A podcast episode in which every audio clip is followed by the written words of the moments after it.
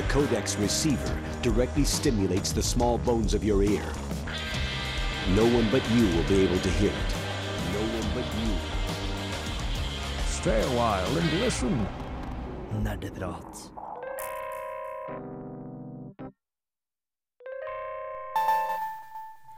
Hei og velkommen til den første eh, nerdepratsendinga etter skuddår. Og vi er i skuddet som aldri før!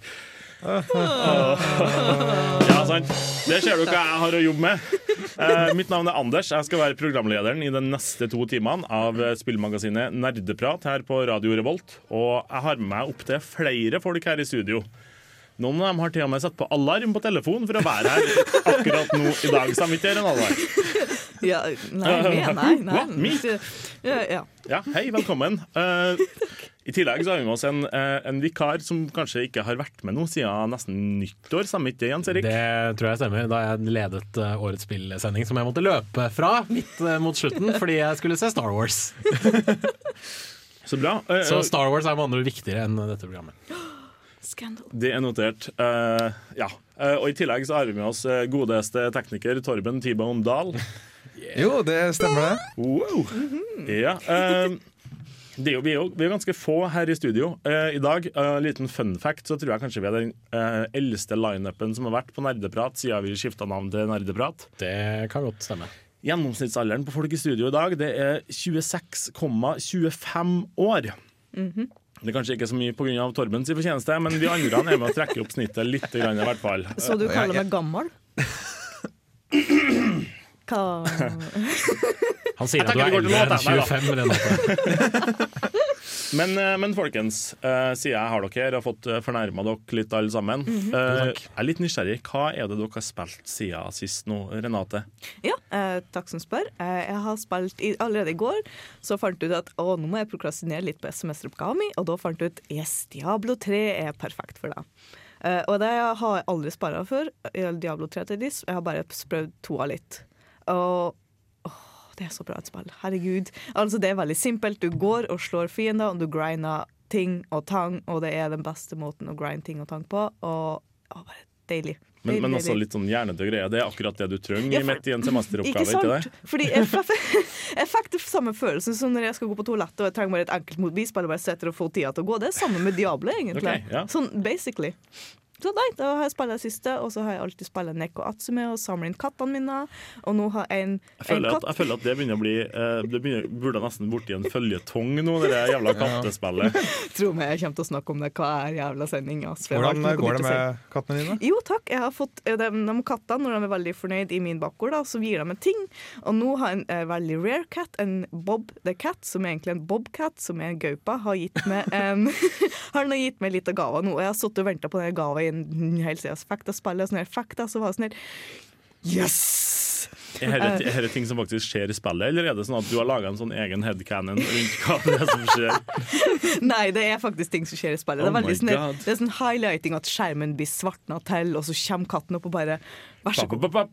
Ja, ja, det er egentlig mangler lydeffektene, men nei, det er kjempe-achievement for min del. Jeg kjenner at det alltid sukker litt tungt hver gang noen nevner Neko Atsume. Fordi Deal with det slår it. meg som en veldig sånn hjernedød ting. Du er en hjernedød ting. Ja, det er Apropos hjernedøde ting, ja, jeg skulle akkurat hoppe til Jens Erik. Hei, Jens Erik. Nå, nå, nå, eh, siste, siste par ukene, hva har du eh, brukt tida di på? Apropos hjernedøde ting. Jeg har eh, for første gang på veldig lenge begynt å spille et japansk rollespill som jeg faktisk ikke har gitt opp i løpet av de, siste, i løpet av de første par timene. Hva, hva, sier det mer om spillet eller mer om deg? Det, jeg tror det sier mest om spill. Altså Det sier vel litt om meg og litt om spillet. Mm. det sier også litt om japanske rollespill generelt, fordi eh, nå tråkker jeg garantert på noen, Litt på noen på tær. det sier litt om Japan òg. Nå, nå, tråkker jeg, nå tråkker jeg garantert på noen tær, men uh, de fleste japanske rollespill er eh, strengt tatt ganske kjedelige. Eh, sånn eh, utover kanskje det som skjer de første par timene. Men i uh, Digimon Story Cyber Sleuth, som jeg har brukt uh, nå 30 timer på, og kommet ca. halvveis, uh, der bare øker spenningen mer og mer etter hvert som jeg spiller. Fordi eh, som eh, gammel eh, Digimon Adventure-anime-fan, så var dette her noe jeg definitivt følte at jeg måtte plukke opp da det kom ut sånn i uh, midten av februar. Så det her er nerdeprat der alle de mørke hemmelighetene fra vår fortid vet du hva, det kan godt være, altså. Uh, fordi, uh, og, fordi dette her har jo blant annet blitt utvikla og gitt ut på PlayStation 4 eh, i anledning at den første Digimon-anime-serien blir 15 år. Oi. Og eh, det som da skjer i Digimon Story Cyber Sleuth, er det at de runker nostalgipenisen min så mye som det går an å gjøre i et japansk spill.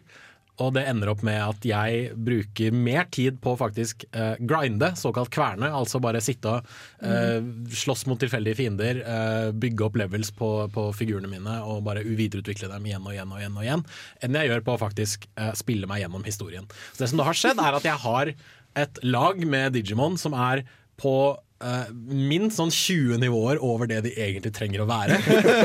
Så jeg har liksom tatt, jeg har tatt alt av utfordrere og egentlig bare brukket det over kneet mitt. Som spillet har å by på. Uh, men jeg koser meg skikkelig mye bare av å rett og slett grinde gjennom alt sammen og se liksom hva, jeg kan, hva jeg kan få tak i. Men spillet har på en måte ikke tilpasset seg til, til å Altså, det, det møter deg ikke på dine premisser, da, tydeligvis. Nei, altså jeg, jeg kan jo sikkert øke vanskelighetsgraden Ja, men, litt, grann, men, det velger jeg jo ikke Ja, okay. ok. Ja, sånn, ja. Selvfølgelig. Ja. Om, om jeg får lov å spørre, jeg har ikke spillet Digimon-spillet, men er det noe Ja. lignende Pokémon, eller hvor, hva er greia? Ja, Sånn det er faktisk det. Eh, for altså, opprinnelig så var Digimon sånne datadyr à la Tamagotchier. Oui. Eh, og så kom det noen eh, Så kom det en anime-serie, og så kom det noe dataspill. Da. Eh, Digimon Story-serien er en spin-off fra det som før het Digimon World. Som var en rollespillserie der du uh, Som gikk ut på mye av det samme Pokémon-serien gjør. At du har liksom et lag med Digimon, og du kan uh, Du fanger dem ikke så mye som du registrerer dataene deres etter hvert som du slåss mot dem. Og når da denne en sånn her går opp til 100% så kan du laste dem inn i partyet ditt. Og dermed så kan du da selvfølgelig gi dem De får erfaringspoeng ved å slåss, Ja. eh, og du kan da digimere dem eller digivolve dem opp og ned etter hvert som du vil. da Etter hvert som du digivolver dem opp, så får de nye former, og de kan nå et høyere maksimalnivå. Ja. og de blir selvfølgelig sterkere, og så eh, er det mange forskjellige sånne ting du kan gjøre. da Du kan fusjonere det med hverandre. Og det er liksom ikke måte på. Det er veldig, veldig gøy. Ja, det er, det er Men, men, men det, det, er, det er altså kartlegging, kolon, spillet. Egentlig. Ja. Ja, men Så bra. Jeg har bestandig aldri, aldri helt tort å spørre folk, for jeg antok at det bare var en sånn rip-off av Pokémon. Nei, jeg tror faktisk Digimon var først ute. Eh, nei, det var kanskje ikke det? Nei, det var det ikke. Ok, never mind. Uh, hvor var vi hen? Jo, uh, Torben, eh, har du spilt noe siden sist? Jeg må dessverre være litt eh, kjedelig enn enn vanlig. Åh, Si at jeg ikke har spilt noe siden sist. OK. Har du fantasert om noe spill siden sist? jeg har kanskje ønsket at jeg hadde hatt tid til å spille spill. Det har jeg. Mm. Men Er det noe eh, spesielt som har dukka opp i det siste nå, som du eh, kunne tenkt deg å, å, å frøsse i tida for å spille? jeg har lyst til å fortsette på Silver Chronicles X, Mm. som jeg var ganske ekte på eh, nå før eh, solen starta igjen. Eller studiene, jeg vet ikke. Kall Sånn det er- studiene. Du har jo blitt så flink. Du bare studerer hele tida nå. Ja, og så holder jeg på med masse frivillig arbeid også. Torben Dahlmannen, legenden. Men det her spillet du snakker om, jeg har ikke hørt mye om det. Please tell. Ah, ja, nå har jeg snakket en del om det før, da, Silver Chronicles X. Mm. Det er en slags oppfølger til Streamer Chronicles. Da det er oh, right. Men det ikke, foregår ikke i samme univers. Det er liksom mer en sånn spiritual oppfølger. kan du okay. kalle det Kult. Bortsett fra at de beholdt navnet. Mm, mm. Ja, det må du høre, da. Men kanskje noe jeg har lyst til å diskutere litt mer, er sånn Jeg, jeg føler at spilling går litt i sånn uh, faser for min del. da Litt sånn Bare bølgedaler. Berg, berg og dalbane, liksom. Noen, noen ganger så har jeg sånn Å, nå har jeg lyst til å spille alle spill i verden. Og nå, har jeg, nå vil jeg Og jeg tar meg tid til å spille masse spill, og jeg, jeg er gira på å spille sånt. Mens nå så føler jeg i sånn bølgedal, hvor jeg på at Nei, jeg syns jeg, jeg får nok kreativt utløp i hverdagen.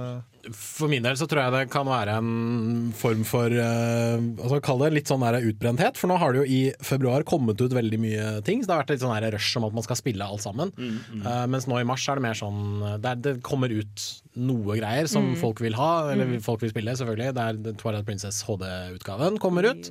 Um, og så tror jeg det er noen andre ting som jeg ikke har, eh, ikke har lagt merke til sånn ved det første. Men det er kanskje en litt sånn, der, det er en litt sånn nedgangsperiode i de store spilla alle vil spille-periodene, holdt jeg på å si. Uh, fordi vi hadde det for februar, og så tror jeg kanskje rundt i april, da når Dark Souls 3 skal komme ut, da blir det igjen den der ok, Ja. her er noe Ja. alle må spille med en gang. Uh, og en annen ting som jeg har opplevd litt selv også, er jo at det er jo fort gjort å bli litt utbrent. Rett og slett At man bare tenker sånn Nei, nå har jeg lyst til å legge dette her litt fra meg. Og så kan jeg la bruke tida mi på andre ting, og så kan jeg da etter hvert gå tilbake til uh, det jeg likte før å spille. Torben, jeg utfordrer deg når Dark Souls 3 kommer ut. Bare si ja. Bare si ja. Jeg har lyst til å prøve Bloodborne i stedet. eller? Yes, do that. Det er Vi, bra. vi vet jo hvordan det gikk med Bård når han eh, prøvde Hva det var det? Var, det var Dark, Dark Souls Souls 2. 1. Det var Dark. Souls 1, ja. Dark Souls 1, ja. Okay, Ja. Eh, Heldigvis ikke Demon Souls, men uh, Dark Souls var én. Hvis de, var, Ja, og for de nye lytterne som lurer på hvordan det har skjedd, så har vi den videoen på Nerdeprat-sida, og På check Facebook. it out. det på Facebook-sida. men det var blod, svette og tårer. Mest tårer, egentlig. Ja, Jeg husker eh, mye sinne også. Ja. Skriking. Det, Yes. det, men det var salty. Det var veldig salty. Uff, ja. Enn med deg, Anders? Jo, takk for at du spør. Jeg satt bare og venta på det. Uh, du, jeg har eh, spilt mye Heartstone i det siste, uh, men det er jo ikke interessant å snakke om. Fordi at alle vet hva? Heartstone okay. Fordi jeg har et annet spill Jeg er heller har lyst til å snakke om. Uh, det er uh, Hva heter det for noe? Unreal World heter det. Det er nettopp mm. sluppet på, på Steam nå. Det er en Det er en rogelike. Fikk, hørte du det, Jens Erik? Det er en rogelike. Jeg hørte det. Sikkert at det ikke er en rogelight, da. Jeg er litt usikker, men altså, greia at du, du er en person som skal overleve i jernalderen i Finland. Jeg liker det. Eh, det, det, altså det er ja, du, skal, du blir nå sluppet i skogen og skal overleve og jakte på dyr og sånn. Eh, jeg har ikke helt fått eh, følelser for det ennå, men, men det er visstnok et spill som har vært utvikla siden 90-tallet, tror jeg. Er det sånn som i Ark, at du bare blir droppa naken ned på en strand, og så må du finne ut av ting, eller er det en Med dinosaurer. Nei, du, start, du starter litt sånn som i, i Mountain Blade. Så starter du jo med å si eksempel Ja, jeg er en sønn av en smed. Eh, og, det, og This is my quest for uh, for eksempel eh, Epic Loot eller uh, Vengeance eller uh, Finn min far igjen, for han forsvant ut gjennom døra. Du velger det selv, eller blir du tildelt uh, Eh, Du velger det sjøl, og, og etter hvert som du spiller det, så får du på en måte forståelse for at uh, å havne midt oppi ei jaktulykke til å begynne med liksom, er en litt større vanskelighetsgrad enn uh, alene og forlatt i skogen. Kult. Så jeg har prøvd bare sånn, ja, bare alene og forlatt i skogen nå, bare være ut på ekspedisjon. Men jeg tror kanskje uh, den finske krigeren Anders kommer til å dø av eh, tørst snart, faktisk. Så det blir interessant å se hvordan Du kan ikke spise snø for å, for å dekke tørsten din. Sluk, slukke tørsten, heter det. Tro meg, jeg har Anders, prøvd. Et gul snø, det kan være øl.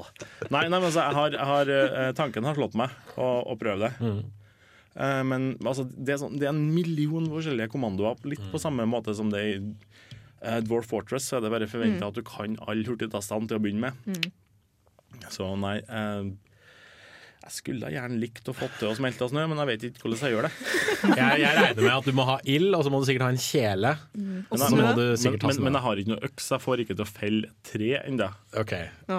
Du kan ikke gjøre sånn som i Minecraft, at du bare går opp til trærne og så slår du dem litt, og så får du treverk. Det virker ikke veldig realistisk, gjør det det? Nei, altså det her, absolutt ikke. Altså, gud, gud forby.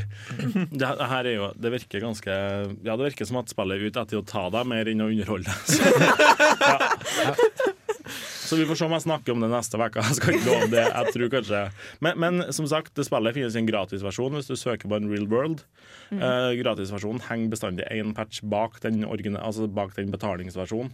Eh, men det har jo vært i utvikling siden 1995, eller noe sånt, så det er en del versjoner å ta tak i. da Det høres ut som det var tekst only-type At det var sånn konsollspill, eller er det Nei, Nei, de har, grafisk? de har nettopp ut, eh, De har visst nettopp oppgradert det grafiske grensesnittet, så du har en litt sånn ja, et, eh, et ganske merkelig sånn kvasi-3D-ish eh, fugleperspektiv, der du ser en person går gjennom skogen.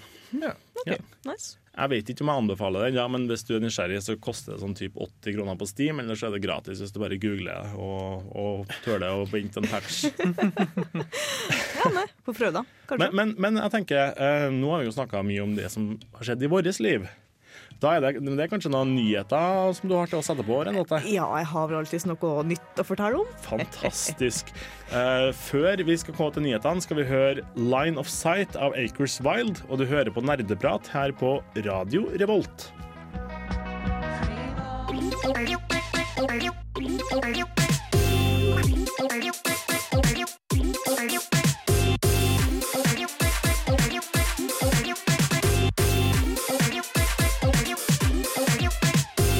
Nerdenytt. Ja, direkte inn fra nyhetsstudioet her i Nerdeprats luftskip som flyr over Trondheim og eh, speider ned på alle dere stakkarene på bakken. Med meg på bakken, faktisk, så har vi med oss nyhetskorrespondent Renate. Hva har du å gi oss? Jo, tusen takk, Anders. Jeg har litt av hvert. Jeg har at Uncharted 4 er blitt utsatt igjen. Oh. Uh, no. Nye stream-sikkerhetsoppdateringer kommer til å ha store påvirkninger for det handlesystemet de har. Og Sony legger ned det her PSP, uh, PlayStation-storen de har for sin håndholdte konsoll. PlayStation TV legger ned uh, i Japan. Uh, Mass. Mass Effect Andromeda kommer ikke før 2017, enda en utsettelse. Microsoft forener PC og Xbox One-plattformene. Og sist, men ikke minst, Pokémon Moon og Sun er bekrefta. Det var utrolig mye muntre nyheter i dag. Ja. Ja, skal vi se vi kan Hvor begynner vi? Vi begynner med selvfølgelig Uncharted 4 er utsatt igjen. Eh, Da er jo bedre, eh, I jul så ble det også annonsering på at ja, vi kommer til å utsette litt mer, og nå er det i 2016. Vi kommer til å utsette litt igjen. Ja, selvfølgelig. I Norge, verdens rikeste land, the year of our lord 2016, så blir Uncharted 4 utsatt igjen! Men altså, dette, dette har jo skjedd flere ganger før også, med, med, med de uh, Naughty Dog-folka. De Ja, har jo, ja, ja, jeg tror jo dette De godeste uh, Last of Us ble utsatt et par ganger også, hvis jeg ikke husker helt feil. Mm. Og, eh, nei, de, må- de må bare bruke, bruke den tida de trenger. Men jeg er, sånn, jeg er ikke sånn som ser negativt på at spill blir utsatt fordi det er med gode grunner. Sånn som Dragon Age Inquisition ble jo utsatt, men vi fikk jo så mye bedre uh, brukerfunksjoner i løpet av den tida der fordi de satte nye ting, og det ble så bra da spill. har jeg et motargument til deg, som heter Duke Nukem Forever. Vi snakker ikke om Duke Nukem Som ble, Forever, som ble utsatt i hele 13 år, og så kom det ut, og så var det egentlig bare en våt fis. Ja, Jeg bare ja, sitter og ja, venter men- på Half-Life 3. No, no, jinx it now. Um, jeg har ikke spilt så mye Uncharted, så jeg har egentlig ikke så mye å si på denne saken. I'm sorry. Det er egentlig det eh, Vi har diskutert det flere ganger nå, for det ble jo utsatt en gang i november òg. Eller nei, Yes. i november så kom de med en, eh, en faktisk dato som skulle være jeg tror det var 10. mars eller noe sånt i år. Mm. Eh, og da diskuterte vi det egentlig og fant ut at ingen av oss har spilt det. Da heller. Jeg har spilt det første Uncharted i sånn HD-utgave på PlayStation 4. Men, men hvis- problemet her da er Ja. jo at hvis det aldri kommer, så får vi jo heller aldri muligheten til å snakke om det, for Ja, at det vi får ikke å spille. Men Ja, du har det spilt eneren. Ja. jeg har spilt litt av eneren, og hvis jeg kan få en utgave av det spillet som ikke innebærer at jeg må skyte folk i fjeset, så hadde jeg likt det så mye bedre. For skytinga i det spillet er ikke bra. Men jeg kommer litt til å tenke over noe når du sier at vi har snakka om dette Uncharted eh, hver gang det blir utsatt. Er det bare en PR-kampanje for å få folk til å snakke mer om Uncharted? Oh. Du hva? Sikkert. De har jo ikke altså de har vist noen trailere og sånne ting, men uh, dette, det at de sier at OK, sorry, det har blitt utsatt igjen, men bare slapp av, dette går fint, det får jo folk til å prate om det. Det gjør det. All, all PR er god PR og sånn. Jepp. Med mindre du heter Duke Nukem Forever. Shake it, baby. Oh no, please no. Neste nyhet. Eh, som sagt, nye, altså Steam kommer med nye sikkerhetsoppdateringer som kommer til å påvirke det handelssystemet. Og det er bare rett og slett for å hindre at folk cheat all the system. Eh, enkelt og greit, egentlig. På hvilken måte da? Eh, altså Hvis det finnes en måte å lure Steam-systemet, så vil jeg gjerne votte det før de kjører gjennom. Over til neste nyheter. Nei, Med vennlig hilsen fattig student. Betyr dette at de kommer til å klare å unngå det som skjedde i jula? At, masse, at mennesker ser feil Steam-konto når de går inn på oh, brukernavnet sitt? wow, det Kanskje det er det de prøver? Litt sånn som på Skatteetaten i fjor. Ja. At alle sammen eh, logga inn som en, en eller annen nordmann med 450 000 i inntekt fra Ja, nei, det var i hvert fall en sånn Altinn dreit bæsja på leggen. ja, ja, of course. Jeg håper ikke Steam tok en Altinn, for å si det sånn. Ah, De, de went all in. hey. Oh god. Det er sånn dag i dag. Det begynner snart å koste vær så snill, før jeg dør. Ja. ja, det er absolutt en sånn dag i dag. Ja, sorry, sorry. No, I'm back again. Um, uh, som sagt, Sony kommer til å eh, legge ned det her PSP-handelssystemet som vi har på sin uh, håndholdte uh, og det er sånn at man kan ennå Hva man ikke si? Man kan Det bare ta den vekk fordi reasons, egentlig. Men, Ja. Så du kan ikke kjøpe spill til PSP lenger. Nei, rett og slett. En, Because ja. vi, har, vi er Sony, og vi hater pengene dine! ja, men ingen har en PSP lenger. Så det Det egentlig, kan altså, greia er egentlig at ok, vi kunne ha drifta der, men det er fem stykker som bruker Ja, det. det er bunn og grunn det. Litt sånn som Star Wars Battlefront til Ja. PC. Nå skal de heller nå skal, nå skal de gå over til å 100% ignorere PlayStation Vita i stedet for. For før så det liksom, det, det de har gjort fram til nå, det er liksom 50% ignorert PlayStation Portable, 50% ignorert PlayStation Vita. Nå som PlayStation Portable ikke trenger å støttes lenger, så ok, da ignorerer vi PlayStation Vita 100 Nei, nei, nei, nei, nei, vi vet ikke at dere finnes! Ja. Men det er, det, er, det er kun PSP som de stenger for. Mm, stemmer det. Altså, du kan okay. fortsatt redownload uh, de tidligere handlene dine, men å kjøpe nye spill, that's, uh, that's no, no, no. Ja. Uh, apropos Sony og PlayStation. Uh, PlayStation TV legges ned i Japan. Hva er PlayStation TV? Jeg har ikke snøring. Uh, jeg har, Jo, nå okay. skal du høre! Fortell, fortell, Jens Erik. Yes. PlayStation TV var en liten sånn boks à la en Apple TV som du ja. kunne smelle inn i, um, i TV-en din, og rett og slett bruke til å spille uh, PlayStation Vita-spill på TV. Så la oss eksempel si at du hadde kjøpt uh, Persona 4 The Golden, eller bare Golden, uh, til PlayStation Vita. Så kunne du da logge inn med uh, PlayStation-kontoen din Ja, ja. eh, på den PlayStation TV og spille eh, Persona 4 The Golden på TV-en din i liksom finere grafikk da enn du ville fått i, eh, eh, i eh, PlayStation 2-utgaven. Så det var egentlig, det, det var egentlig en, 4. det var en måte å få en håndholdt konsoll over på TV-en igjen. Ja, i bunn og grunn. Men så var det noen sånne videoapper og litt sånn andre ting, og den hadde sin egen sånn, sånn Ah. da.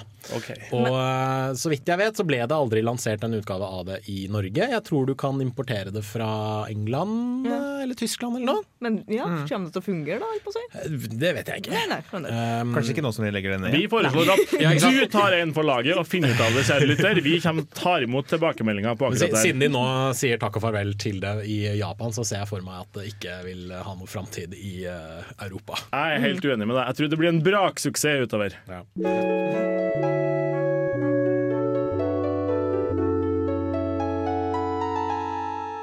Ja, vi er fortsatt i Nerdeprats luftballong som flyr over Trondheim og leter etter nyheter. Uh, Renate på bakken, hører du oss? Over. Uh, hei. Har du Jeg tror det er litt delay her. Snakk om å slippe ut lufta av den ballongen. ass. Sorry. Men eh, har du flere nyheter til Ja, oss? ja. ja, ja. så bra. Nyheter har jeg, vet du, selvfølgelig. Eh, Mass, Mass Effect Andromeda kommer ikke ut før i 2017. Boo. For, Ah. eh, jeg vet. Vent, eh, vent, jeg har litt ja. Apropos spill som blir utsatt. Men det blir sikkert mye bedre når det kommer. Vi krysser fingrene. Jeg er stor Mass Effect-fan, sjøl om jeg egentlig bare spilt litt av det tredje spillet. Men herregud, det er så mye å sette seg inn i, så jeg liksom står og tripper, tripper, tripper. tripper, tripper. Um. Fordi, fordi And uh, Mass Effect Andromeda Ja. Det var, skulle egentlig komme ut i sommer. Jo, det, det jo? Stemmer det. Stemmer det. Skulle det? De, de sa det sikkert bare for å, for å lure dere naive Eller- eller folk eller som tror det på sus- releasedatoer. Eller så sa de bare 2016 eller noe. sånt. han Jeg tror de har sagt 2016. Ja, 2016, og da regner jeg egentlig med sånn slutten, milten av 2016, da, egentlig. Så får se. Men, men, men er det her en sånn middle finger til dere som har gleda dere, eller er det en litt sånn at uh, vi, grunnen til at vi utsetter, er for at vi har lyst til å finpusse litt mer? Er det, eh, Ja, så tror jeg det også det var noe snakk om at de uh, under en investorsamtale rett og slett sa det at eh, spilleplanene Altså planene er at det skal kanskje slippes et storspill hvert kvartal, tror jeg fikk jeg inntrykk av. Um, fordi de skal slippe Battle, et nytt Battlefield. Ja. altså Battlefield har blitt sluppet nå nylig. Eh, det, skal et, eh, nytt, det skal komme et nytt Titanfall, som Respawn-folka holder på med. De slipper Mirror's Edge Catalyst dette kvartalet. Og så eh, kommer da Mass Effect Andromeda i fjerde kvartal. Og fjerde kvartal sånn finansielt, Ja. eller økonomisk heter det vel på norsk, eh, er finansielt? Ja, økonomisk. Jeg tenkte financially. Eh, Fordi de snakker om økonomiske kvartal, ikke årskvartal. Og det fjerde kvartalet rent økonomisk er vel i november, januar og februar, hvis jeg ikke husker helt feil. Ja, Så da, da har de sagt det at eh, ja, OK, sorry, det kommer ikke før i begynnelsen av 2017-ish. Ja. Nei, nei, Men, men, men respekterer vi det, at de venter til 2016? Jeg respek- 17, som er neste år. Ja. Jeg respekterer det bittert. ja, OK. Mm. Jeg har ikke noe imot det. Altså, ja. Jeg, jeg har ingen meninger om det her. Jeg liker Mass Effect. Jeg Ja, nei, men venter eh, gjerne på det. Vi kryssa fingrene for at det skal bli verdt ventetida. Eh, vi har også en annen nyhet. Det er at eh, Microsoft og, kommer til å forene PC- og Xbox-plattformene, som gjør at det blir liksom en stor hybrid mellom de her konsollene. Og det er veldig spennende. Jeg håper at eh, vi får mye gode ting ut av det. De skal vel også lanseres en sånn felles uh, Kall det en felles butikk, holdt jeg på å si. Ja. Uh, altså en Xbox Store for både Xbox One og Windows 10. Jeg jeg er bare redd for at dette fører til at jeg plutselig må betale penger hver måned for å få lov til å spille dataspill på internett. Mulig, fordi mest sannsynlig vil, ikke, vil, mest sannsynlig vil det være sånn at de spillene som dukker opp på denne Xbox Store på PC-en din, kanskje ikke vil være tilgjengelig på Steam. I hvert fall hvis de er utgitt av Microsoft. Ah, ah, I don't have a massive hard-on for Microsoft. Har vi, har vi noe jeg kan kaste på Anders? Jeg håper ikke det. Um, men, men altså jeg, jeg, jeg klarer ikke helt Det er ikke noe sånn hallelujastemning på meg når jeg hører sånne nyheter. Det, det er litt mer som at Du liker å ha det individuelt, eller? eh? Altså, jeg, ser, jeg har ingen sterke meninger om Xbox, annet enn at jeg syns det er greit at vi holder eh, konsollene separat. jeg er litt for et sånt konsollapartheid der. Wow, ja. nice. De skal jo annet også innføre at du kan streame ting fra Xbox One-konsollen din til Windows Surface-tableten din. Eh, hvis, du, hvis, du føler, hvis du føler for det.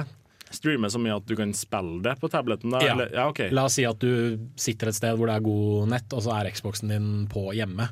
Kan du da, stream, da kan du streame spillet ditt til tableten og sitte og spille det. Ah, ja, jeg, jeg, jeg tenkte på at nå kan du spille Microsoft-spill eh, på do. Vi, vet du hva? Ja, du kan jo for så vidt det også. Eh, blant annet med denne tablet-streamingen. Og så- Sånn Homestreaming er jo noe Steam har hatt en stund. Så det at Microsoft begynner å lefle med det, det er jo sikkert eh, Det er, det er spennende, syns jeg. i hvert fall. Nei, vi får se. Vi får se hva de tilbyr oss. Og sist, men ikke minst, på nyheter har vi at det kommer nye Pokémon-spill. Moon and Sun, det er bekrefta. jeg husker ikke årstallet i farten, men, Men i år. I år, hæ? Ja. Ja. Oh, herregud. Jeg fikk slippes Tida går fort, folkens! Det, det, det er Pokémon-år allerede! Det, ja, men det er faktisk det, fordi det, er 20 år. Jubileum in your face. face. mm -hmm. Det var en grunn til at jeg sa det, vet du. Ja, ja. Ja. uh, og jeg, jeg stussa litt over annonseringen da dette her kom ut, og jeg tenkte f har det, har det virkelig vært så lenge siden Pokémon X og Y? Og det har jo pokker meg vært tre år siden de kom ut! Gud, stammer da. Wow. Jeg trodde det var sånn her i fjor. Ja, det var litt den tanken jeg hadde. Var altså, kom ikke de ut for sånn et år siden? Altså? Nei, nei, Men, men i, fjor, i fjor så var det året før i fjor. Ja. Ja, så det er egentlig ikke så lenge siden. Uh, men du har jo de der, uh, den der Alpha Sapphire og Omega Ruby, eller hva Ja. pokker det het. Ja. Det kom jo ut for kanskje et halvannet år siden eller noe sånt. Men det følte jeg var litt mer sånn fillermateriale, kanskje? Ja, det er jo som regel ofte det. Men uh, jeg er gira på nye Pokémon-spill. Jeg syns det er Jeg syns det er veldig greit ja, at det kommer litt sånn filler siden det faktisk er en anime som er basert på Pokémon. Så da er det naturlig at det er en naturlig Ah, yes, at det kommer filler-episoder til spillene. Mm, mm -hmm. Nice, nice. Ja, jeg har veldig høye eh, forhåpninger for det her. Jeg har sett på eh, traileren, og det ser ut som er det bare rykter, selvfølgelig, men det ser ut som du kan ha eksempel eh, vehicles, altså du kan se bil og sånn der shit i, i, i verden da. Bare, Interessant. Ja, ikke sant? Så det blir jo litt spennende å se da. Forhåpentligvis kan du uh, bruke det overalt. Um, og så jeg bare generelt gleder meg til å se noen nye Pokémon og se nye designene, fordi de siste Pokémon-designene har vært ræv. Du har en Pokémon som heter Søppel, som er søppelpose. Ja, ja. Mm. Oh my god. Um, så, Men Har du ikke en de som er et nøkkelknippe også? De, Ja, de og har vel kanskje gått tom for ting å antromorfisere? da, tenker jeg. Ja, det er sånn, det er litt sånn hva mer kan du gi et ansikt nå? Det er sånn, det er, nå har vi brukt opp alle mytologiske dyr, vi har brukt opp alle faktiske dyr. Eh, mennesker har vi fucka med. Det Nintendo hjelper med nå, eh, det er Nintendo som utvikler Pokémon fortsatt, sant? Ja, Det er game, Game freaks ja, okay, ja, men det de gjør da, det er liksom det når du sitter og skal lage et eh, Du må komme opp med et nytt passord til den sida du holder på å registrere deg på, og så kikker du rundt og sånn Bon Aqua, det er passordet mitt. Det virker veldig sånn at det, det, det er så langt designet av Pokémon som kommer nå. En smule. Eh, og jeg er veldig spent på hvor langt de kommer til å dra det. For nå er vel totalantallet Pokémon du kan samle, er 700. 793 eller noe sånt nå. Ja, hvis jeg ikke husker helt feil. Og jeg ser jo for meg at på et eller annet tidspunkt så kommer de til å treffe den magiske tusengrensa. Og da må de nesten slutte. Men, men er det noe man kan feire, tror du? Og når man kommer til 1000 Nå er det firesifra antall Pokémons, folkens. Er det noe det kommer de garantert til å feire. Fordi altså, de, de aller fleste Pokémon-spillene har hatt en eller annen gimmick ved seg. Etter, altså, etter at de originale kom ut. Med uh, gull, sølv og crystal så var det det at nå, nå har du en natt og dag-syklus. For eksempel du har denne telefonen som du kan ringe opp trenere med. I um, uh, Emerald og, og um, Ruby. Det- det- det Emerald Ruby og Sapphire så var det værsystem. Ja, og du hadde klokke, innebygde klokka i uh, den, at du kunne gro bær. Og sånt. Ja, blant annet. Hva- Jeg bare fikk en kjempeidé nå. Eh, Det er kanskje Så på et eller annet tidspunkt blir gimmicken Nå er det 1000 Pokémon. Jeg skal channel min indre Nostradamus nå og si at eh, eh, den, den 1024. Uh, Pokémon som kommer ut, heter Gigachu. Nei, helt seriøst. Er noen som, ja, Wow. skriv det ned, for det kommer til å skje. Det her er fremtida, folkens. Ok, Jeg tar ikke det veddemålet, men uh, Eh, du tar ikke det veddemålet? nei. Jeg ville heller tatt Kiki-sju eller noe sånt. For en Kiki-bite er jo faktisk eh, 1024. Stemmer, da. Mm. It's Og on. Gigachu er mer en sånn Det er, mer, det er faktisk mer en sånn Digimon-greie. At de bare slenger mega, giga, metal, Det- war yes, De bare elsker slenger et, Gigamon. ja, ikke sant? Nei, men de slenger et eller, annet, et eller annet substantiv foran navnet på ting. Så du anerkjenner nå at Pokémon og Digimon er veldig sterkt beslekta? Jeg anerkjenner at det har noen likhetstrekk. Det gjør jeg. Det er godt å høre. Setter veldig pris på at du kan være såpass ærlig, ærlig med oss, eh, Jens Erik. Ja. Og, og jeg skal få dere til å være enda mer ærlige nå etter, etter neste låt, som er 'Strangers From The Sky' av Death by Unga Bunga. For da blir det ukas spørsmål. Hey. Du hører på Radio Revolt, studentradioen i Trondheim. Når innså du at du var en gamer? Dersom du kunne spilt kun et spill i et år, Hva er det eldste spillet i backloggen din? og du var på en øde øye i helvete mens du var 11 år gammel, Hva har du lært fra spill som du har fått nyte av i hverdagen? Er det et spill som har hjulpet deg gjennom en tung periode av ditt liv? Hva er ukas spørsmål? Jo, folkens, vi skal jo ha, ha en. Kan noen hjelpe meg å snakke? Skulle ukas spørsmål egentlig være, for nå rota jeg meg skikkelig bort der. Nei da. Eh, dagens sending handler jo om eh, Nintendo DS og 3DS. Eh, vi skal komme tilbake til det senere, men mitt spørsmål til dere, eh, mitt ekspertpanel her i studio, det er ta et hvordan som helst spill som ikke har kommet ut til 3DS eller DS, og det skal portes til 3DS eller DS. Hvorfor skal det det? Altså Nå er jeg ute etter hva du vil, sant? Altså noe som får deg glad. Hvilket spill vil du ha til DS eller 3DS? Hvorfor vil du ha det spillet? Og tror du egentlig at det slår an til flere enn bare deg?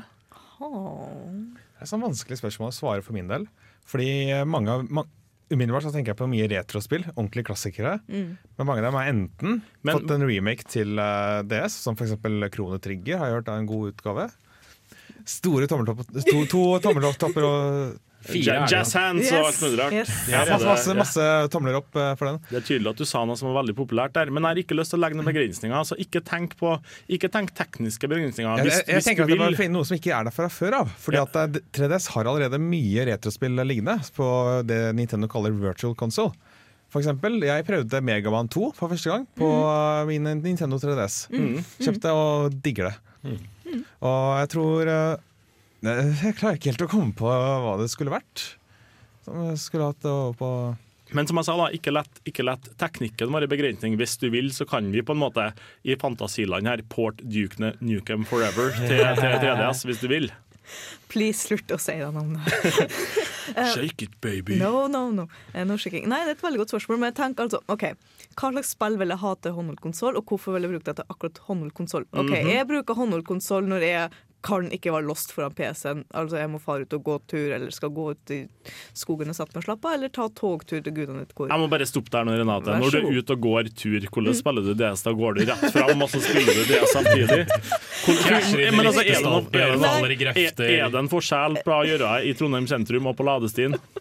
Nei, altså, sorry, sorry, men jeg snakka litt veldig feil, fordi når jeg mener å gå tur, så er jeg sånn her, jeg går ut i skogen, setter meg ned, åpner DS-en og spiller spill fordi jeg er redd og hjemme. Ok, Um, ok, ja, ja. Men jeg skjønner poenget. Ja. Yes.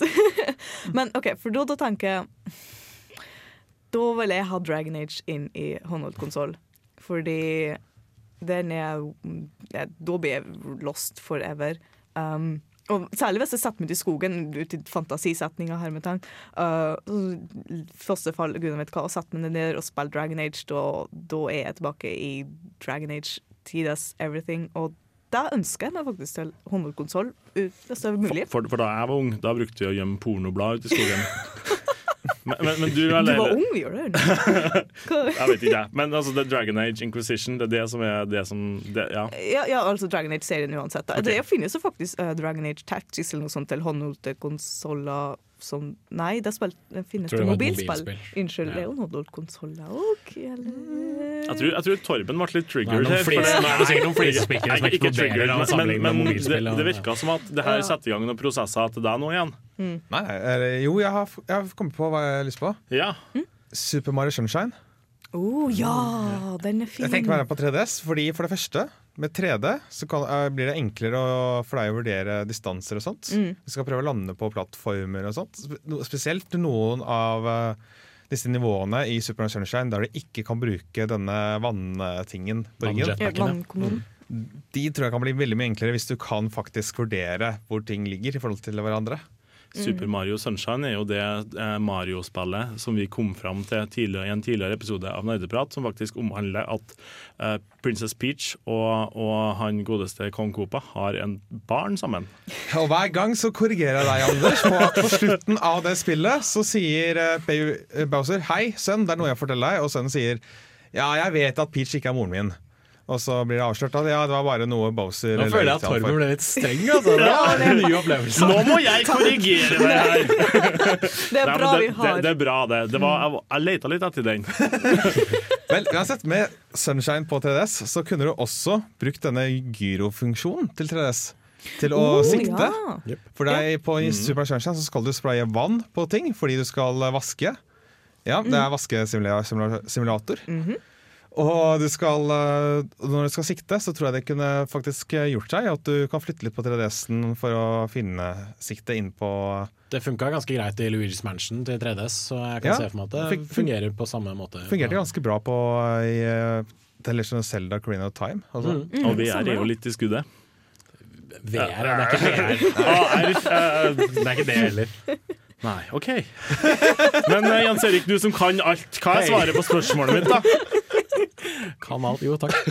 Jeg anser meg selv som en eh, meget klok og vis mann, eh, selv om jeg er to år yngre enn deg. Ja, nei, for all del. Um, nei, jeg legger meg litt på samme lista som, som Torben, og jeg ville gjerne hatt en håndholdt utgave av Super Mario Galaxy. Mm. Fordi det er et av de beste beste ja. tredimensjonale Mario-spillene som fins. Ja. Og eh, jeg kjente jeg ble litt inspirert av å høre Renate snakke så varmt om Dragon Age, fordi det er et gammelt BioWare-rollespill som jeg brukte veldig mye tid på da jeg var yngre, mm. som heter så mye som Neverwinter Nights. Ja, yeah. Da jeg var ung. Um, som, som det ble brukt utallige timer eh, på, både i enspillerutgaven og på over nett. Mm. Og jeg kunne veldig gjerne ha sett meg selv spille en, en, en håndholdt utgave av det. Da. Og det passer veldig bra til den derre pek og, og dra Mhm. og klikke. um, eh, eh, Brukergrensesnittet er ordet jeg leter etter.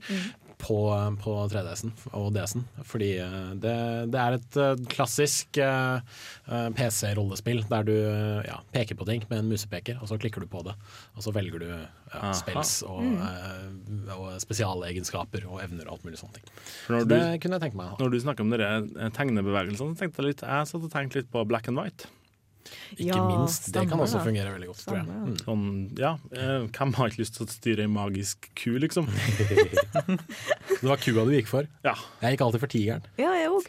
Nei, altså, alltid ku. Jeg vet, ikke, jeg vet ikke om det var en sånn frampeik mot uh, Nei, Nå- let's not go there! Nå, nå, spor, nå sporer jeg veldig av, men jeg leste på internett en uh, historie om en fyr som klarte å lære dette dyret i black and white til å kun få lov til å spise mat han hadde kastet over sin venstre skulder. Uh, han klarte også å trene opp dette dyret til å aldri få lov til å bæsje. Som endte opp med at dette dyret gikk rundt og bare var forstoppet veldig veldig lenge. Og Husk på at dette er et spill som er veldig gammelt, så det har ikke hatt den hele der Reddit kaste seg over det her spillet og prøver å Og bare det. radbrekker det Ja. Mm, mm. Nei, men nå faktisk får jeg lyst til å fare med spille. Eller Det er tw Twitch Plays uh, Black and White. Det, ja. Hvorfor Det er altså, I ukas spørsmål så dukker det alltid opp sånne digresjoner, og det er det som er så fint med denne spalten. her. Mm. Uh, vi skal gå videre til, gå videre til hovedtemaet, tenkte jeg, uh, som da er 3DS og DS. Jeg, programleder Anders, kan ingenting om det her, så jeg håper at noen av dere er litt eksperter på det. Torben og jeg fikser den biffen. Supert. Uh, før vi Og kommer kanskje dit Renate også. Takk.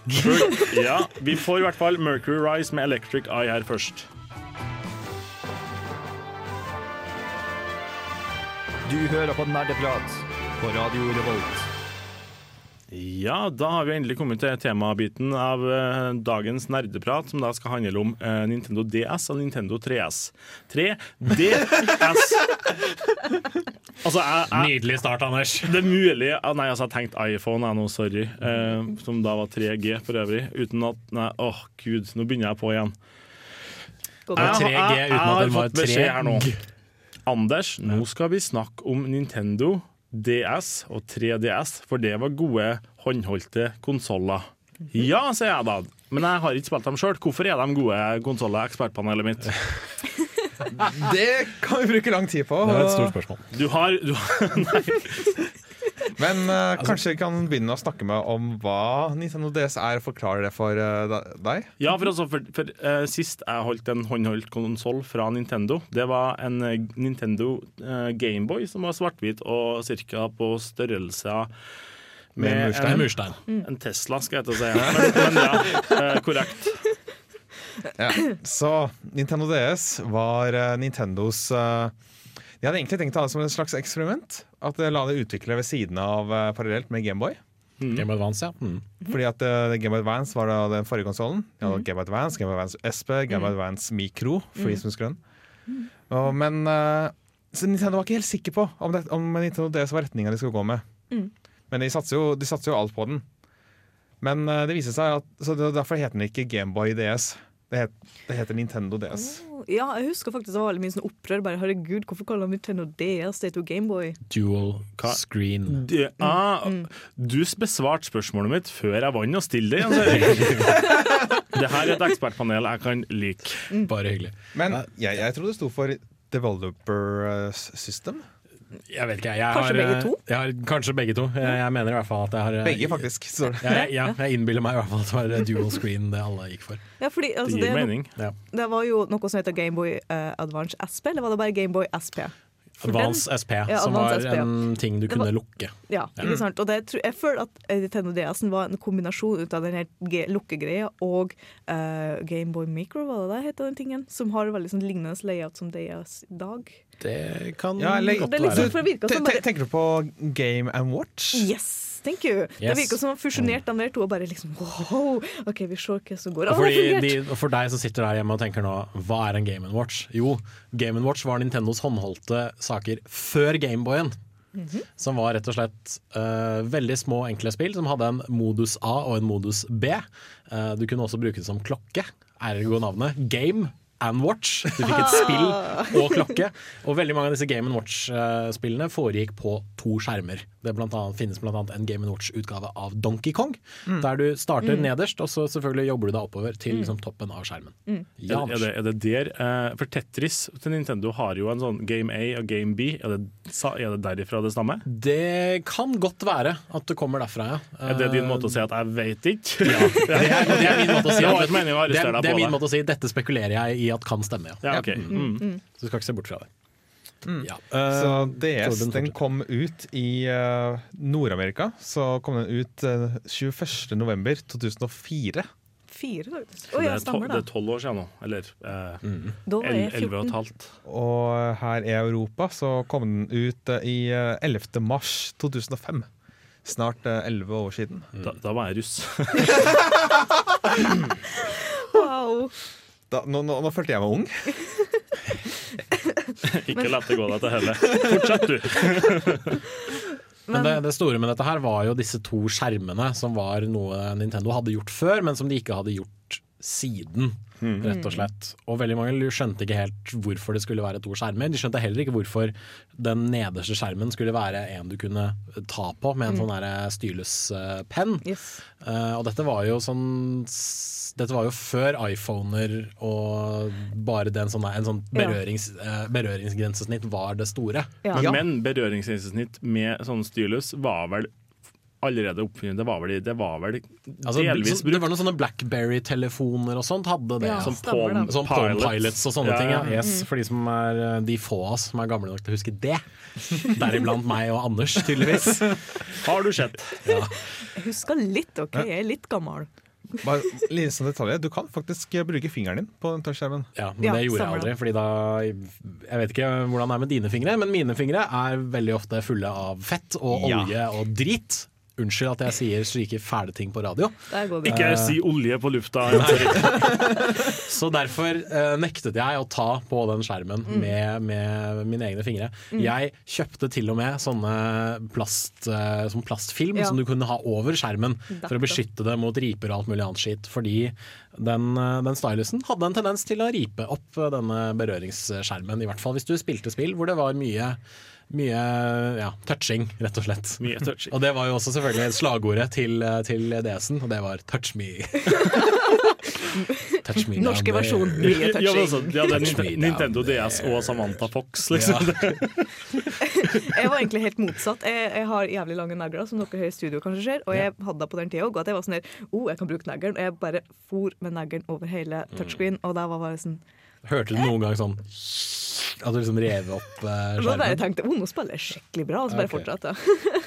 Det, det er jo veldig tydelig her at, at dere har en del gode minner om denne, om denne eh, håndholdte konsollen. Jeg har litt lyst til å finne ut litt mer jeg, om, om hvorfor den har slått an sånn. Eh, det tenker jeg at vi skal snakke om etter at vi har hørt Hoops med 'Feeling Fine', som òg på en måte tar litt stemninga på hvordan det er i studio akkurat nå.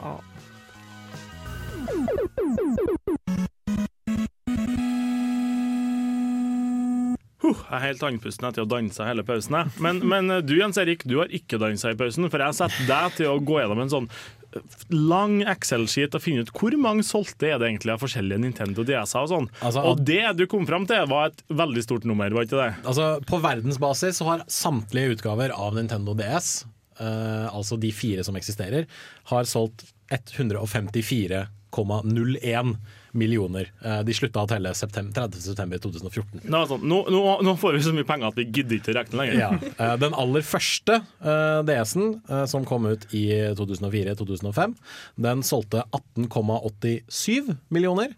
Og den neste utgaven igjen, som het Nintendo DS Lite, det var den mest populære, den solgte så mye som 93,86 millioner konsoller. Men hva er grunnen, hva er grunnen til at dette her selger så utrolig bra? Um, det er Altså, nå spekulerer jeg bare, selvfølgelig, Ja, men jeg tror at den, den første utgaven av Nintendo DS, den viste at OK, dette fungerer. Mm. Eh, berøringsskjermen funker når du bruker stylusen, den funker når du bruker fingeren til den. Den har bedre uh, ytelseskraft enn det Gameboy Advance hadde. Så vi har mulighet til å lage litt kraftigere spill. Og etter en stund så lagde de flere og flere spill som virkelig utnytta den berøringsskjermen på en god måte. Spill som uh, Kirbys uh, Canvas Curse, eller Power Paintbrush som det også het, eh, som brukte touchskjermen veldig, veldig bra.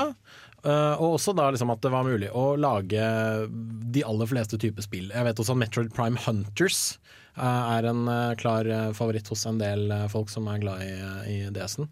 Eh, jeg tror også at DS, grunnen til at DS Lite solgte så bra, er fordi den kom ca. et år etter den originale DS-en. Og da kunne de også si at ja, men her er en mindre utgave av den konsollen dere, kjenner, først, dere kjenner til. For den første utgaven var veldig stor og klumpete og stygg.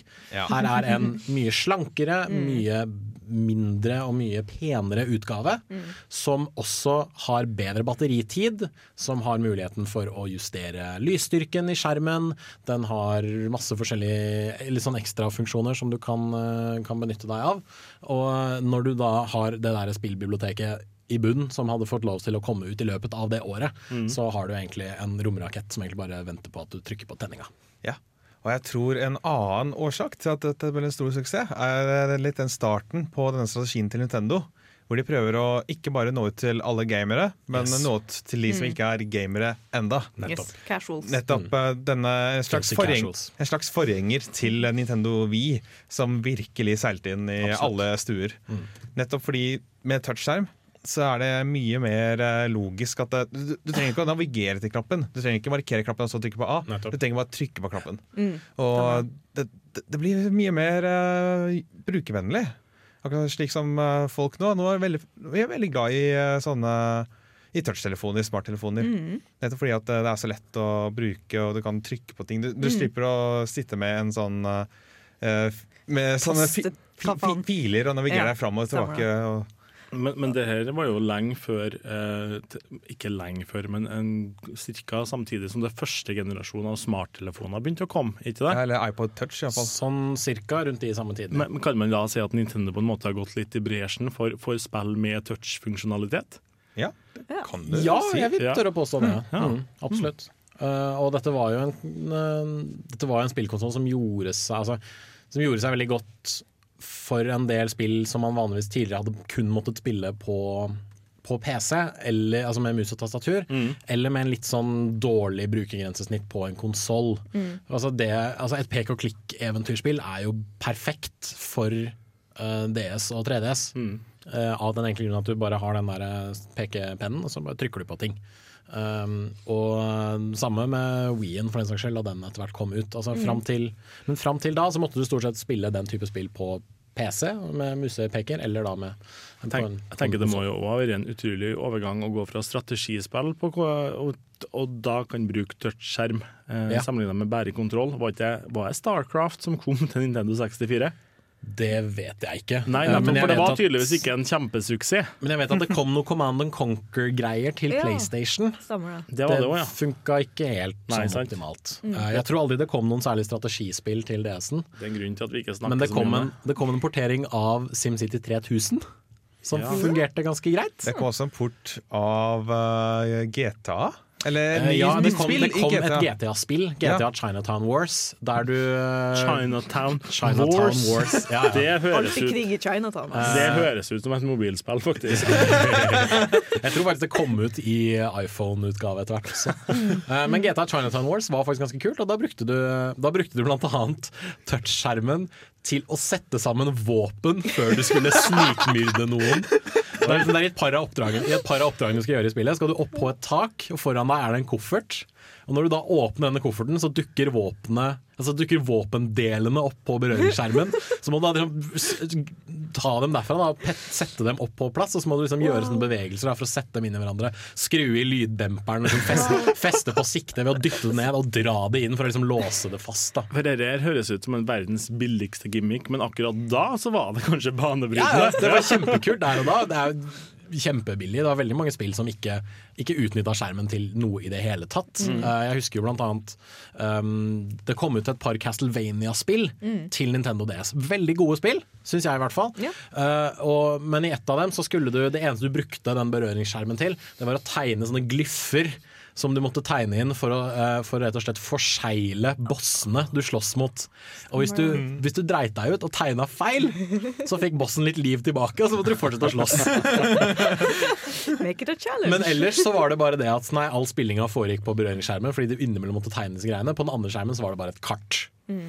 Og det var dessverre det som skjedde med en del av disse spillene. Da. Det var liksom bare OK, hva, hvor, skal vi ha, hvor skal vi ha gameplayet? Hvor skal vi ha spillinga? Nei, vi setter den nederst. Hva skal vi Mm. gjøre med toppen? Nei, vi, kart. Nei. Kart, det går fint. Hvorfor ikke? Apropos kart, det er en ting som er veldig morsomt med DS-en. Det er uh, Link, uh, Legend of Zelda, Fountain Hourglass. Så har de gjort det på en veldig fiffig måte. om Du har kombinert det her uh, nedre skjermen og oppre skjermen. da. Fordi i løpet av spillet her så skal du liksom Åh, jeg husker ikke helt detaljene, men da. Men det var at du skulle legge noe på kartet, og du bare Hva faen skal jeg legge? Skal jeg trykke noe? Skal jeg tegne Ja, noe? ja. Nei! Du du, skal, no, ja. du skal klappe igjen skjermen, for Mm. da ble det kombinert kartet, og jeg bare når jeg fant det ut, Når jeg fant det ut, så bare sånn Jeg la den ifra meg, for jeg bare sånn No. No, Jeg I can't deal. Jeg syns det var veldig fiffig, fordi Ja. den hadde jo altså, DS-en hadde så mye bedre, mer funksjonalitet Ja, enn det Game Boy Advance hadde. Du hadde en mikrofon, blant annet, Mm. som da, ja. da Ace Attorney-spillene kom ut. Så du kunne holde inn en knapp og så kunne rope 'objection' inn i mikrofonen, og så dukka det opp i spillet. Yes. Men også det at det var, sånn veldig, det var liksom nye, finurlige måter å løse puzzles på i spill som trengte det. Ja. Da. Blant annet det at du Å ja, her har jeg her har jeg noe her har jeg, Ok, jeg har trykksverte på toppen her, og så har jeg en, noe som jeg har skåret ut på, på den andre nedre skjermen. Men jeg kan ikke kombinere dem. Ok, hva gjør jeg? Nei, da prøver jeg å lukke DS-en. Og da har jeg klart å klak, Ja, ja. Liksom, klappe disse tingene sammen. Da. Uh, eller hvis du blåser inn i mikrofonen, så blåser Å, du bort ja, støv. stemmer. Fra et bilde, eksempel, som Ja. er støvete. Sånne ting syns jeg var veldig veldig stilig. Det ble ikke brukt så mye som det burde ha blitt brukt, men det, det var der i hvert fall. Og det var en ny måte å gjøre ting på. Men jeg husker første gang jeg kjøpte meg en mobiltelefon. Det var eh, første gang jeg kjøpte meg en iPhone. Da lasta jeg ned en sånn app som er sånn OK, det her er et ølglass, og hvis du vipper litt på det, så ser det ut som at du drikker. Ja. Det høres veldig sånn ut. Uh, En at- smule. Ja, altså det høres ut som at de bare sånn Det her kan vi gjøre. Det er jævlig teit, men vi gjør det likevel. Ja, ja. Vi er det første som gjør det. Ja. Sammen med de der fise-appene som kom til de diverse iPhone og iPadene. Smartphones, Ja, wow. Fart soundboard. Ja, Ja. i bunn og grunn. Oh, good times, good times. Tenk, tenk at det finnes folk ute der som har blitt rik på sånne ting. Nei, det, Det- det fins mennesker som har blitt rike Altså, det- av å, å ha sex med hverandre på TV. Så, altså. Jo, er og- Men, men, men altså, grunnen til at folk tjener penger på dette og uh, blir rik på det, og sånn, det er jo faktisk internett. Og, og 3DS-en var vel en av de første konsollene som prøvde seg på internett fra Nintendo, så vidt jeg har forstått det. Det er noe vi skal se litt nærmere på nå. Først skal vi høre Twin Peaks med 'Walk to the One You Love'.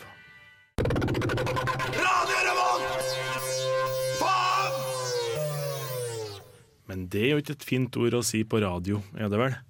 Vi er i hvert fall tilbake her nå. Eh, vi skal snakke om online-funksjonaliteten som kom med Nintendo 3DS. Nei, faktisk. Hva? Oi, DS. Ja, Før den hører du fordommene jeg har mot den konsollen?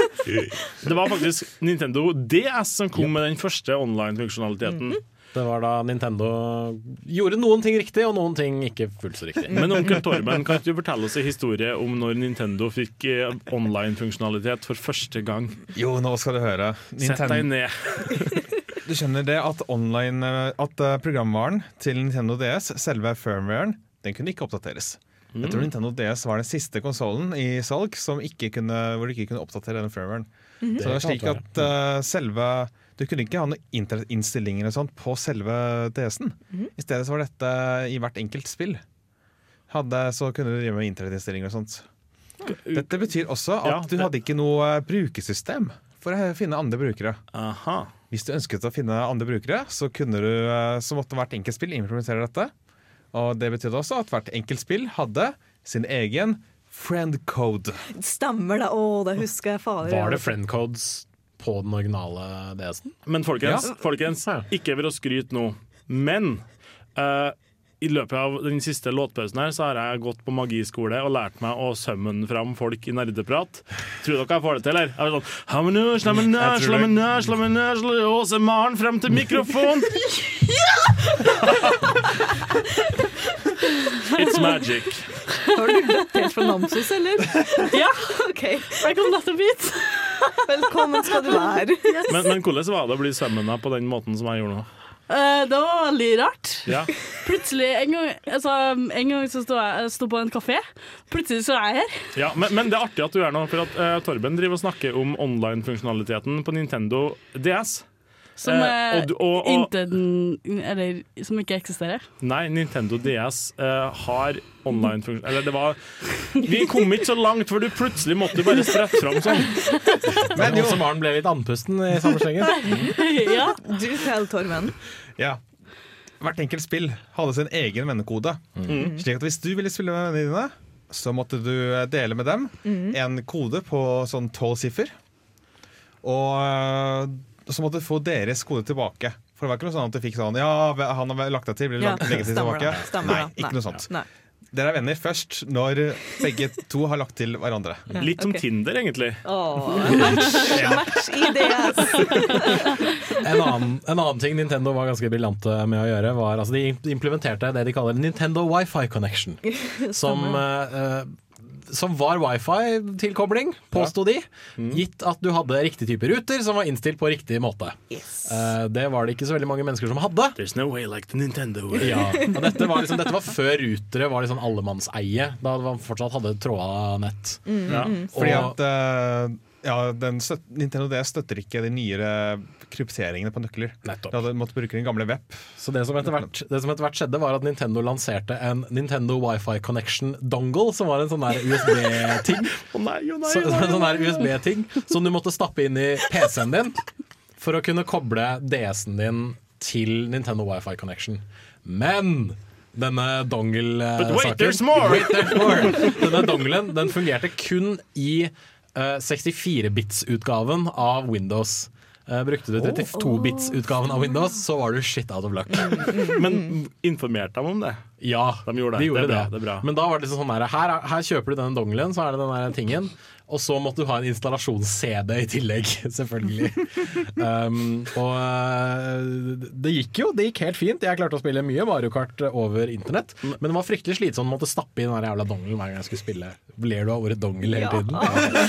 Jeg ser meg at dette, dette må jo være en dere må, Hvis det hadde vært noe annet firma enn Nintendo, så ville jo dette være en utmerket måte å skremme bort hele, uh, hele kundebasen sin på. Ja. Det er sånn Ja, du må ha den dingsen her uh, som høres litt in, um, Som krever det og det. Uh, intimiderende eh, technobabble som for å få det til å fungere. Men du må òg ha 64 bits! Altså, ikke alle som vet forskjell Hva på det 30. betyr, ja?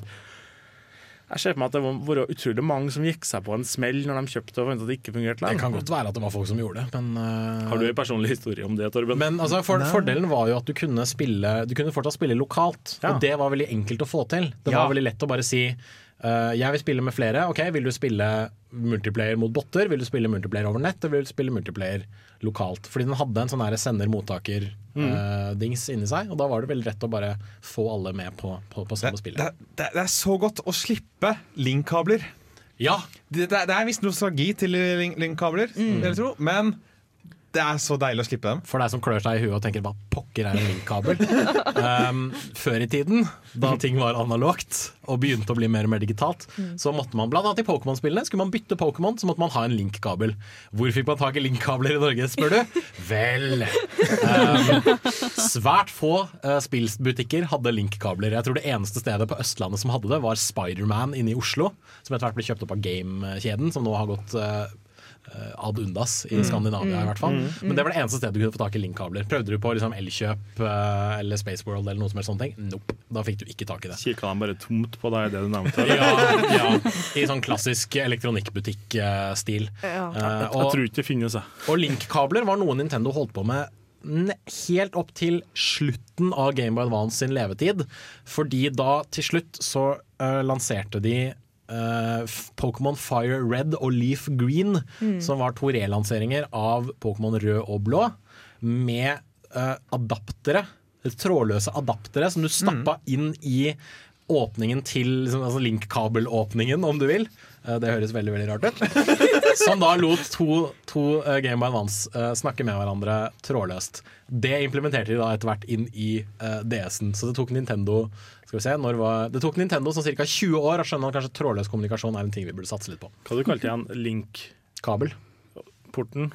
Ja, nei, ja, linkkabelåpningen. Porten. Ja, altså, det vinner veldig om Zelda fanfiction, det her. Jeg ble så, såpass satt ut her at jeg må bare gå videre. Vi skal snakke om, eh, om eh, porteringa til Nintendo DS etterpå nå, men først så får vi en låt av Motorpsycho, og det er Spinn, spinn, spinn. Radida til bardaga. Ja. Ra radida. Ja. Til bardaga. Nerdeprat på Radio Revolt! Ja. Der fikk vi litt Age of Empires før vi er tilbake her og skal snakke om porteringa til Nintendo DS. Og Age of Empires kom vel aldri til Nintendo DS, gjorde det vel? Jo! Det gjorde det! Jeg tror du tuller med meg, Torben. Nei, når du sier det Jeg, har, jeg hadde Age of Empires til DS, men det var i form av et uh, tak taktisk uh, rollespill.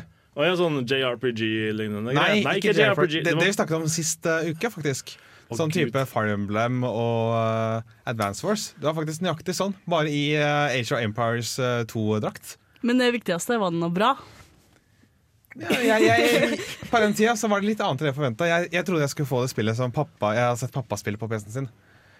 Nemlig Age of Empires 2 til PC. Men det var ikke det jeg fikk, så da, jeg, jeg ble ikke helt hekta. Det var litt vanskelig for det, min var, del. det var da du ble en sånn bitter Nintendo-person. Nei, Nei ja, det, det falt bare ikke helt i min smak på den tids uh, akkurat da. Det var ikke det lille unge Torben forventet. Men det var da du begynte å kanskje, kanskje den første gangen du begynte å tenke litt på uh, porteringa til DS? At, at du ble obs på den biten der? At, at det er ikke bestandig at et spill som har samme navn, nødvendigvis er det samme typen spill? Mm. Eh, faktisk uh, det, Et av de første spillene jeg fikk til min Nintendo DS, var Super Mario 64 DS. Og det, Stemmer, da. det er vel ikke originalt et DS-spill, er Nei, det vel? Sier jeg med et åpent spørsmål. Det var jo opprinnelig et Nintendo 64-spill. Der har vi 64 i navnet! Ja, men- Ja, fantastisk tittel. Super, kjempebra! Fantastisk tittel, by the way. Super Mario 64 DS. det var jo, det, var jo liksom en, det var en ting som skjedde med veldig mange av de spillene, at de hadde, et, de hadde DS i tittelen. Eller så var det en tittel som hadde D og S i seg. Uh, Castlevania, Dawn of Sorrow, for eksempel. Ja, ja du, du ser det jo igjen nå hvis du, hvis du spiller den Mario Kart 8 på Nintendo Wii U, så ser du jo eh, at banene er oppkalt etter DS og 64 osv. Ja. Eh, hovedpersonen i Trauma Center, som heter lanseringsspillet til DS-en, het Derek Styles. Oi, oi, oi. Nice. Nei. Jo, jo, jo. Men uh, jeg, må- jeg likte faktisk det Super Mario 64 DS. Det var på en måte mitt Det var ikke mitt første møte med Super Mario 64. Men det var første, mitt første møte med Super Mario 64 da jeg var gammel nok til å forstå og spille Super Mario 64. Og det var litt sånn Det var godt gjennomført eh, port, port. Fordi at de hadde ikke bare fått spillet over på Nintendo DS, som i seg selv er imponerende for de som kommer fra Game of Advance. Mm. Det var jo på en måte en, en demonstrasjon av Nintendo at eh, hei, Nintendo DS kan takle Skikkelig 3D-grafikk, ja. Ja. Yes. Og du hadde, de hadde også lagt til innhold. I originale Super Mario 64 var det 120 stjerner du kunne samle. I uh, Super Mario 64 DS så var det 150 stjerner Wow. Oi. som ventet på det. Var det nye baner som var lagt til, det? eller hva var det man Det var lagt ny, til? nye stjerner i eksisterende baner. Oi, oi, oi. Så jeg tror jeg lagt til én ny stjerne i hver eneste bane. Kunne du ikke også spille som Luigi, Yoshi og Vario? Hvis jeg Jo, ikke av alle folk du, å velge, så Ja. kan du spille som eh, Vario og Du starter å spille som Yoshi, faktisk. Var det her character kunne unlock underveis, da, eller? Ja, OK. du reddet dem. Spoilers. Spoiler spoilers for et, nest, for et over ti år gammelt spill. Men fortsatt ingen playable, playable female character. Ikke slå i bordet! Hvor mange ganger må jeg si det? Kan ikke Yoshi å legge egg? Nei, han spytter egg. Eller jo, vet du hva, han gjør jo det. Ja, han gjør jo det. Jeg tror, ikke, jeg tror Yoshi er langt forbi vår definisjon av Yoshi er som Godzilla i den der bedritne de- Roland Emmerich-filmen. Han er oppressive unisex. cis-binary. Jeg skal sende brev til Nintendo og spørre hva slags pronomen Yoshi vil ha. Sis, dra Sis Dragon Shitlord. Nei, men OK, greit. Eh, Men Nintendo DS-en, eh, 3DS-en, den hadde jo ikke et sånt, den hadde jo ikke et sånt sånn joystick. Den hadde jo bare et styrekors, hadde ikke den det? Ja, og Ja. det er litt interessant, for da brukte du, du brukte dette styrekorset, som kun kan være opp, ned, høyre, venstre, og så skråt mellom de retningene. Mm. Så det kunne bli litt rart å styre. Så derfor har Nintendo lagt til en styremåte via touchskjermen. Hvor du, fordi med den originale DS-en, ikke DS Light, men den originale store, feite, stygge DS-en, Big boned. så Ja. fulgte med en eh, DS tom- Fat, som den het etter en stund. Det, det fulgte med en sånn greie du kunne feste på tommelen din. Ja, det var en liten svart plastdott, holdt jeg på å si, som eh, hadde en, en, en å, herregud. Eh, Funksjon, som, sikkert, altså. stropp, som, som var festet til en stropp, og som kunne du liksom feste den rundt tommelen. Og så kunne du da dra venstre tommel over denne pekeskjermen, og- eller berøringsskjermen. Hvis du ikke hadde plastfilm over den berøringsskjermen, så var det et oppskrift på å få riper. OK, Men ja. det betyr også at du kunne bruke touchskjermen som en slags analog stikke. Ja. Til å Så da, da blir det nesten virtual reality. Nei. Nei. Gir jeg. Jeg prøver så godt jeg kan, men det blir jo Det er immersive, Anders. Jeg vet ikke hvor immersive det er å styre en figur ved å peke retning på skjermen. det, Men, Jeg vet ikke. Det er ganske immersive. Uh, dessverre så ble det litt med denne maskinen at mange av de spillene som ble portert til den, var jo dårligere enn det vi så ellers. Mm. Det var veldig sånn halvveisutgaver av spill vi hadde sett på andre konsoller, og så var det veldig mye ting som ble gitt ut som rett og slett var dårlig. Kan du sammenligne med eh, konsoll og PC-ports i dag, kanskje? Altså at det, det dukker opp noen spill der det er veldig veldig tydelig at det her enten er ment at man skal spille med en Xbox-kontroller på PC, eller at dette spillet var laga til PlayStation, og vi gidda ikke gjøre noen endringer før vi slapp det for PC. På Jeg tror- sett, så, ja, også Maren. Jeg tror forskjellen ligger i at uh, når det kommer til PC, når de nedgraderer ting, så er det fordi de vil at det skal være like dårlig som konsollversjon. Når de porterer til DS, så er det fordi DS-en ikke takler det, da, tror jeg. Mm. I mange tilfeller. Ja, ok. Og du skal ikke se bort ifra at det er mange som uh, lager en port til DS bare for cash in, siden DS var eh, en vilt uh, stor suksess. Det er vel den mestselgende håndholdte konsollen i verden, tror jeg. Det er den. Mm. Og den er den mest uh, selgende konsollen etter PlayStation 2. Men, uh, men hvordan er det med DS i dag? Du har jo 3DS-en, da. Som Mm. har liksom tatt over nå. Ja, Som Nintendo lanserte for eh, en fem år siden. Jesus Christ. Og det er femårsjubileet til den som vi eh, på en måte feirer i dag. Yes, Det, det. Det nå, nå får jeg endelig vite hvorfor i all verden jeg skal stå og stille spørsmål om det. Nei da. Nei, men, ne, gratulerer med dagen, Nintendo 3DS. Men altså, Kom ut eh, 26. februar i eh, 2011 i eh, Japan. Yes, stemmer det. Men Nintendo 3DS, da, er det folk som fortsatt uh, fer å kjøpe til nå? Altså, jeg skjønner på en måte at la oss si Torben har en 3DS fra før av, og så tramper han på sin gamle. Da kjøper han seg kanskje en ny en. Spør meg hvor mange jeg har. Hvor mange 3DS-er har du? Ja. Jo, jo, men, men, men er det noen, er det noen rek nye rekrutteringer til 3DS-ene, tror dere? Kanskje, jeg veit ikke. Altså, problemet er litt det at Nintendos konsoller blir veldig fort de maskinene hvor du kun spiller Nintendo-spill, og ikke noe annet. Mm. Fordi det er strengt tatt det, det, er, det er de eneste maskinene hvor Nintendo-spillene kommer ut.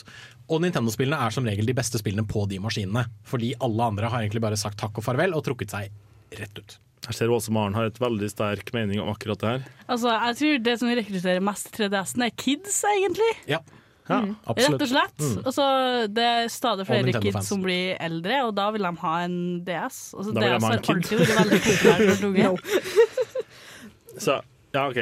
Så skaff deg unge, kjøp 3DS til ungen. Eller bare kjøp deg en fuckings 3DS, fordi Ja. den Altså, etter hvert altså, Den de, originale DS-en den var først feit, og så ble den mindre og mer eh, bedre i formen. Og så ble den litt større, og så ble den litt større igjen.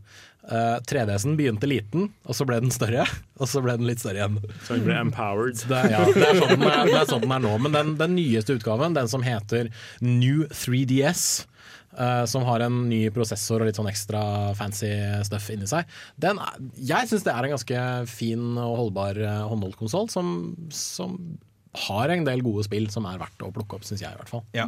Det er, ja. Ja, det er også det appellerende med 3DS-en. At uh, Den kom jo når det var jo sånn her 3D-bølge og 3D-hype og 3D-film og sånne ting. Og det var sånn her, oh, enda mer immersive gameplay, og da, ja, da må vi selvfølgelig ha det. Og det er en altså veldig viktig funksjon med 3D, sånn at du har uh, alternativ til å skru av 3D-en. Og det er veldig viktig, fordi jeg husker første min 3DS var jeg sånn Holy shit, det her er ah, hodepine, hodepine. OK, av med den. Nå skal det sies at fire av fem i studio har briller på seg til vanlig, så det kan være derfor vi har det vi føles på den måten. Og jeg har linser, så det Så wow, nice. Så vi er kanskje under eh, gjennomsnittet begeistra for 3D på den måten, kanskje? Jeg vet ikke. Jeg syns 3D-effektene på den nye altså New, New 3DS, som det heter, er knall. Men jeg bruker det veldig sjelden fordi det sluker batteritid, og fordi det i de aller fleste tilfeller ikke gir spillet så veldig mye ekstra.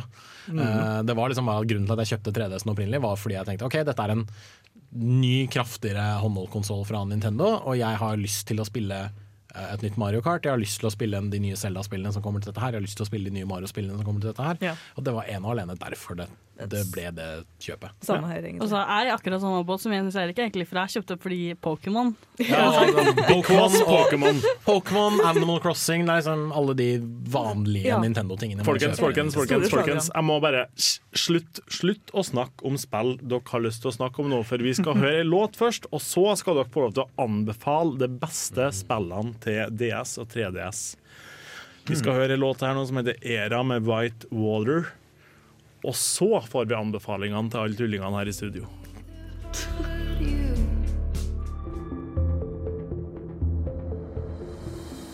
I'm Commander Shepard, and this is my favorite show on the Citadel. Bare si tusen takk til Commander Shepherd. Det varmer virkelig å høre at Nerdeprat er hans uh, favorittpodkast. Og hennes. Og hennes. Sånn avhengig av hvilket univers du er i. Wow! Jens Erik, du Jens Erik. Eh, siden du tydeligvis vet alt igjen, så tenker jeg at du skal få lov til å komme med noen anbefalinger til DS-en. Eller 3DS-en. Eller 3DS-en, ja. Eh, kan jeg ta en Å gud, hva skal jeg Jeg vet hva, jeg tar en av hver. Ja, for all del.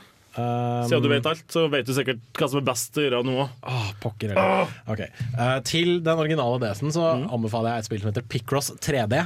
Ja. Uh, Picross er en kombinasjon av uh, matte og rett og slett um, kryssord. Som eh, Nintendo har gitt ut eh, en god stund. Og det høres skikkelig kjedelig ut, men det er kjempegøy. Det, du har et rutenett foran deg, og så har du tall på, i kolonne og radene eh, over rundt rutenettet. Så skal du rett og slett prøve å finne ut av eh, hva som skjuler seg under dette rutenettet ved å, å farge inn rutene ut fra hva tallene står. Og så må du sitte og tenke litt logisk da, og sånne ting. Det høres ut som en blanding av eh, minesveiper og sudoku. Nesten. Jo, det Ja. også. Det er en veldig god analogi. Eh, og Picross 3D gjør dette her tredimensjonalt ved at det gir deg rett og slett en kube bestående av masse mindre kuber. Så skal du da hakke bort kubene og finne en tredimensjonal figur. Som er f.eks. en hund, en mobiltelefon, en dør som åpner seg. alt mulig. Eh, Dette er et spill jeg har spilt så mye at da jeg spilte det på, sitt, på mitt verste, så så jeg fortsatt figurene fra spillet når jeg lukket øynene om natta. Uh, ja. Det, det såkalte Tetris. Såkalte. Tetris-syndromet. Ja. Et rop om hjelp, vil jeg kalle Eh, det. det, det, var nok, det var nok det også. Uh, til, eh, til, til, til, til, til 3DS-en så er jeg veldig, veldig glad i uh, Mario Kart 7. Ja. Eh, så jeg må egentlig gå for det, tror jeg. Det trenger egentlig ikke å forklares noe nærmere, eller det? Eh, Åse, du har vel noen anbefalinger, du òg? Vet du hva? Altså, jeg vil starte med at min ene anbefaling er jo New Style Butikk 2. Som jeg har uh, Snakka til døde om fra før av i en tidligere episode av Nerdeprat. I jentespillsendinga vår. Gå og check it out. eh, ellers så har jeg liksom, jeg har liksom Det er det, og det er Pokémon.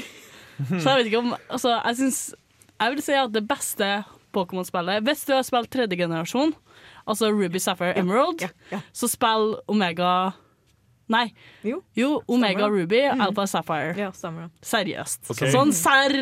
Det Sykt serr, altså! Men, men, Sykt serr. men, men altså, vil du si da at hvis du liker Pokémon, så er det det beste Pokémon-spillet? Punktum? Nei. Nei. Jeg syns at det beste Pokémon-spillet, hvis du ikke har spilt Pokémon før Pokémon X og Ja. OK. Uh, Torben, dine anbefalinger? Ah, ja, dette er så vanskelig, fordi at eh, DS og 3DS har et gigantisk eh, spillbibliotek Mm. med massevis av flotte spill. Men jeg lurer på uh, Jeg føler det er litt urettferdig å bare trekke fram et par stykker. Er det litt sånn? Ja. Ja. Men hvis jeg skal tenke over Jeg, jeg tror ikke jeg klarer å komme på noe Du er jo, du er jo vår ekspert på spillmusikk. Hvilke spill til 3DS har den beste spillmusikken etter din mening? Det må vel være noe av uh, eh, Hva heter han? Uh, Jake Coffman! Jeg var litt nervøs der i sekund for at du liksom bare hadde glemt navnet hans. Det første tegnet på slag til Torben. Det er nerdeprat i dag. Men jeg kan faktisk anbefale Mighty Switch Force, hvis ikke du har det. Det er et nedlastbart-spill som du kjøper i nettbutikken til Nintendo. Som Så- har en webløsning. Som har Nintendo sin DS har en online-funksjonalitet. ja, som- 3DS, ja. Som faktisk fungerer ganske bra.